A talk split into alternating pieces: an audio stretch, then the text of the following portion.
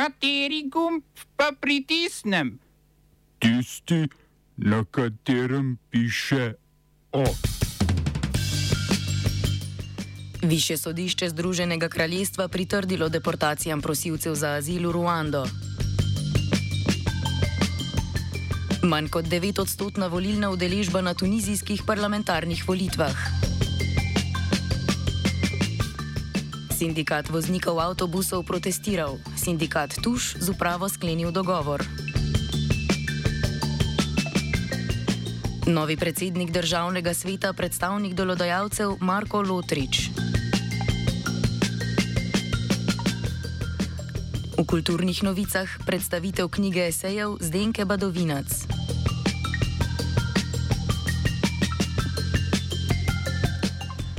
Više sodišče v Združenem kraljestvu je odločilo, da sme država po zakoniti poti poslati prosilce za azil v Ruando. Vendar more notranje ministerstvo, preden prosilce za azil deportira v Ruando, kjer bi vodili azilni postopek, za vsakega prosilca posebej izvesti presojo že na ozemlju Združenega kraljestva. Individualno mora presoditi o osebnih okoliščinah in drugih razlogih, zaradi katerih prosilec potencialno ne bi smel biti deportiran v Ruando. Prvo letalo z osmimi prosilci bi po načrtih vlade moralo v Ruando poleteti junija, a so se zagovorniki prosilcev za azil pritožili. Prav tako je Evropsko sodišče za človekove pravice z odredbo zadržalo izvajanje deportacij, saj bi lahko povzročile nepopravljivo škodo. Britansko više sodišče je sedaj v primeru osmih prosilcev za azil presodilo, da vlada ni obravnavala njihovih osebnih okoliščin pred začetkom deportacijskega postopka, zato jih ne more deportirati.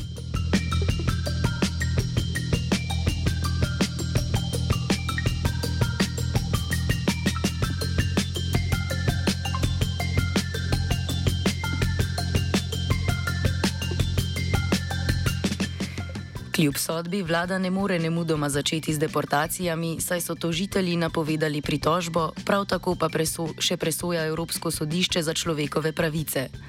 Skupina torijskih poslancev je prejšnji teden sicer v spodnji dom parlamenta skušala spraviti nov zakon o prosilcih za azil, po katerem bi lahko britanska sodišča odločala mimo sodb Evropskega sodišča za človekove pravice vendar se z zakonom ni strinjal niti premijer Riši Sunak, tako da se je večina torijskih poslancev glasovanja o vložitvi zakona v parlamentu zdržala, zato zakona parlament ne bo obravnaval.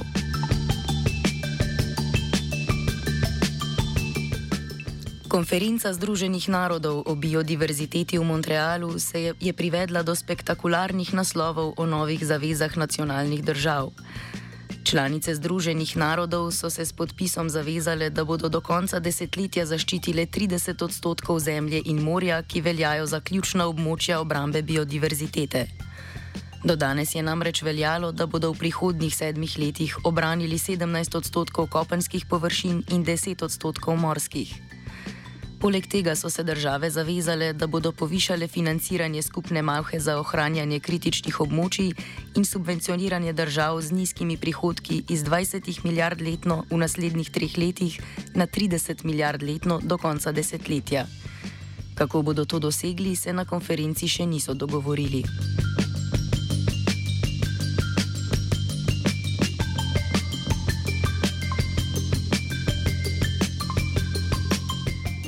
Najbolj svobodomiselno in svobodo izraževalno družbeno omrežje Twitter je iz nepojasnjenih razlogov v četrtek zaprlo račune več novinarjev, med drugim tudi novinarjev Washington Posta, New York Timesa in CNN-a. Potem, ko je lastnik Twitterja Elon Musk, Elon Musk objavil anketo o vrnitvi izločenih novinarskih računov, je po množični kritiki njegovega upravljanja Twitterja novinarjem povrnil čivkaško identiteto. Na podoben način so uporabniki odločali tudi o vrnitvi računa, ki je sledil maskovemu privatnemu letalu, ki kljub jasni odločitvi v dveh krogih glasovanja še ni bil vrnjen uporabniku. Pred nekaj urami je bila zaključena tudi anketa, v kateri je Mask uporabnike spraševal o svojem odstopu z položaja direktorja in v kateri so mu Twitteraši pokazali vrata. Hrvaške ne bo med več kot 20 državami in članicami Evropske unije, ki so podprle Evropsko misijo Hrva vojaške pomoči Ukrajini z usposabljanjem 15 tisoč ukrajinskih vojakov v državah članicah unije. Podporo ideji, ki jo zagovarja vlada Andreja Plenkoviča, je najprej odrekel hrvaški predsednik Zoran Milanovič, kasneje pa jo je zavrnil še sabor.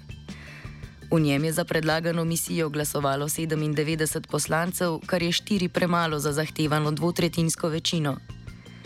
Če tudi bi koaliciji uspelo zbrati dve tretjini glasov, bi verjetno prišlo do blokade strani predsednika Milanoviča, saj parlament nima pristojnosti za odločanje o vojaških misijah, temveč bi misijo morala izvesti vlada s predhodnim pooblastilom predsednika republike.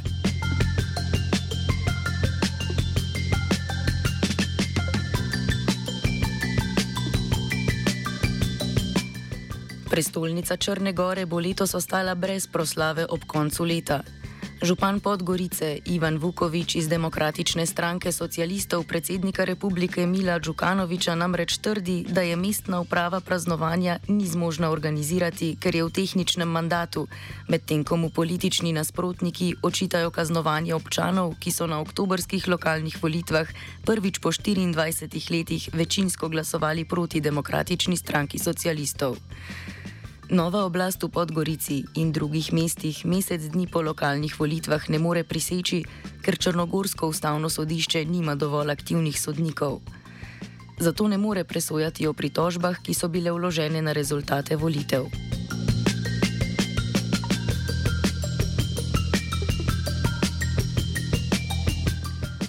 Na parlamentarnih volitvah v Tuniziji se je na volišče odpravilo rekordno nizko število ljudi.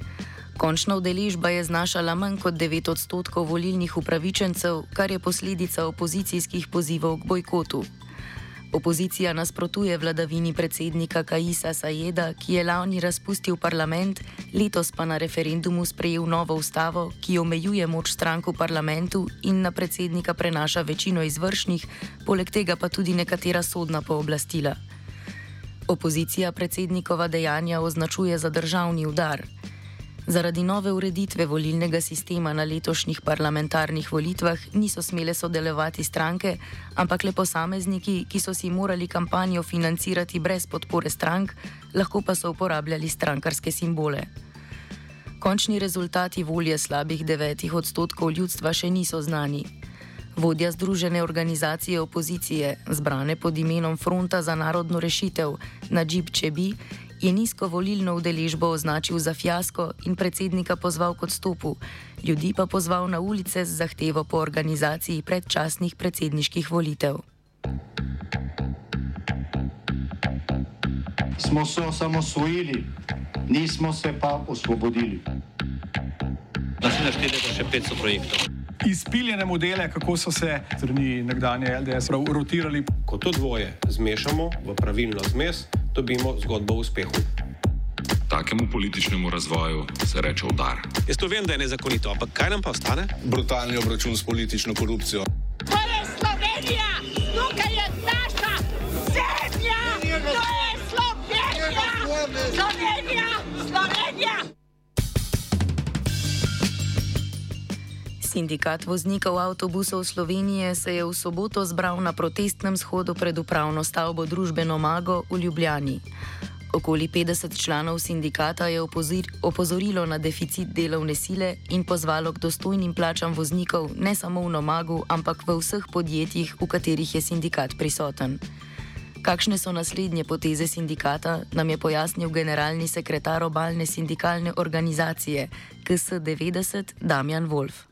Vsekakor, seveda, ko govorimo o javnem shodu, ki se je zgodil v soboto, je šele začetek. Kaj ti tisto, kar je bilo zelo, zelo jasno pokazano in dokazano, je to, da seveda so se vozniki in voznice avtobusov zbrali pred največjim delodajalcem v javnem cestnem potniškem prometu, upravo, upravo družbeno mago, da smo se potem tudi simbolično sprehodili do Ministrstva za infrastrukturo, na katerega smo v preteklosti nastavili kar nekaj pisnih prošenj, da se v najkrajšem možnem času sestanemo s pristojnim ministrom, pa ni bilo z njegove strani niti pisne povratne informacije.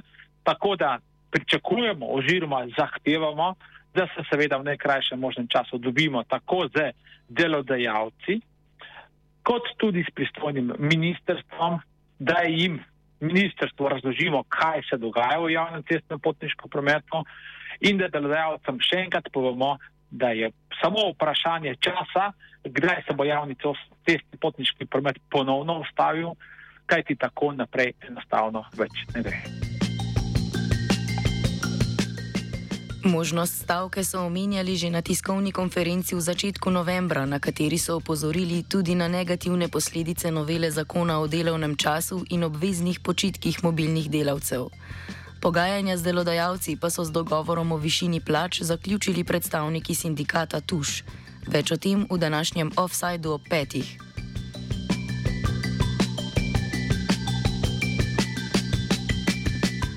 Po začetni upehanosti so v nadaljevanju prekinjene ustanovne seje Državnega sveta Republike Slovenije svetniki v drugem krogu za svojega predsednika izbrali interesnega predstavnika delodajalcev Marka Lotriča. V prvem delu seje so poleg Lotriča kandidirali Jožef Školč iz vrst interesne skupine negospodarskih dejavnosti in Bojan Kekec, član Slovenske demokratske stranke iz kvote predstavnikov lokalnih interesov. Ker niti v prvem, niti v drugem krogu noben kandidat ni prejel vsaj 21 od 40 glasov od 40 svetnikov, so volitve ponovili.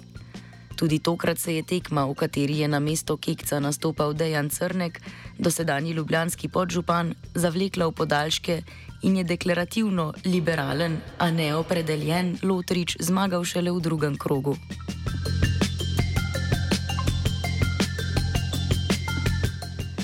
Of je pripravil vajenec Tilen, mentoriral je Virant.